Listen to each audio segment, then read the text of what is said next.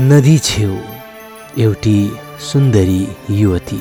साथीहरू यही कथा म यहाँहरूलाई सुनाउन गइरहेको छु। ध्यान दिएर अन्तसम्म सुन्नुहोला। दुई भिक्षुहरू गुरुचेला यात्रा गरिरहेका थिए। यात्राको सिलसिलामा यात्रा गर्दा गर्दै उनीहरूले एउटा नदी पार गर्न पर्ने भयो। जब उनीहरू त्यो नदी पार गर्न लागिरहेका थिए तर्न लागिरहेका थिए त्यही समय उनीहरूले देखे। एउटी सुन्दरी जवान युवती पनि नदी तर्न प्रयास गरिरहेकी छे। केही अप्ठ्यारो मान्दै युवतीले सोधिहाले तपाईँहरू के मलाई यो नदी पार गर्न सहयोग गर्न सक्नुहुन्छ? मलाई अलिकति डर लागिरहेको छ।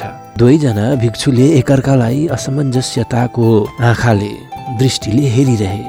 किनभने उनीहरूले आफ्नो जीवनकालमा नारी जातिलाई नछुने वाचा अघिबाटै गरिसकेका हुन्छन्।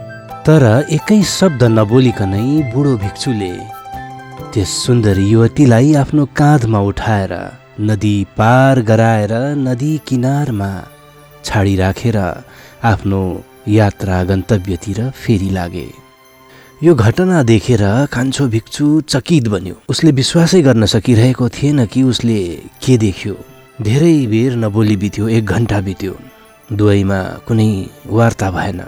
दुई घन्टा बित्यो तिन घन्टा बित्यो नबोलेरै उनीहरू हिँडिरहेका छन् आफ्नो गन्तव्यतिर। र अचानक कान्छो भिक्षुले सहन सकेन थाम्न सकेन आफ्नो मनभित्र उम्लिरहेको कुरालाई प्रश्नलाई जिज्ञासालाई उसले रोक्न सकेन र उसले बुढो भिक्षुलाई सोध्यो हामी भिक्षुहरूले नारीलाई छुन अनुमति नहुँदा हुँदै पनि तपाईँले कसरी काँधमा बोक्नुभयो?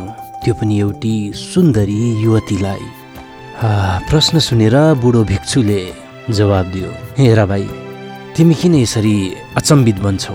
अवाक किन भन्छौ मैले त उसलाई काँधमा बोकेर नदी तराएर किनारमा छाडिराखे।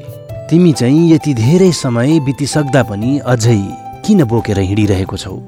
साथीहरू यो कथालाई म योभन्दा धेरै लम्ब्याउन चाहदिनँ। यहाँहरूले यस कथाको ढुकढुकी अवश्य नै छामिसक्नु भएको हुनुपर्छ। र यस्तै मिठा मिठा रोचक कथाहरू यहाँहरूलाई सदैव म लिएर आउनेछु। तपाईँहरूले हाम्रो च्यानललाई अवश्य सब्सक्राइब लाइक अनि आफ्नो प्रतिक्रिया अवश्य राखिदिनुहोला। धन्यवाद।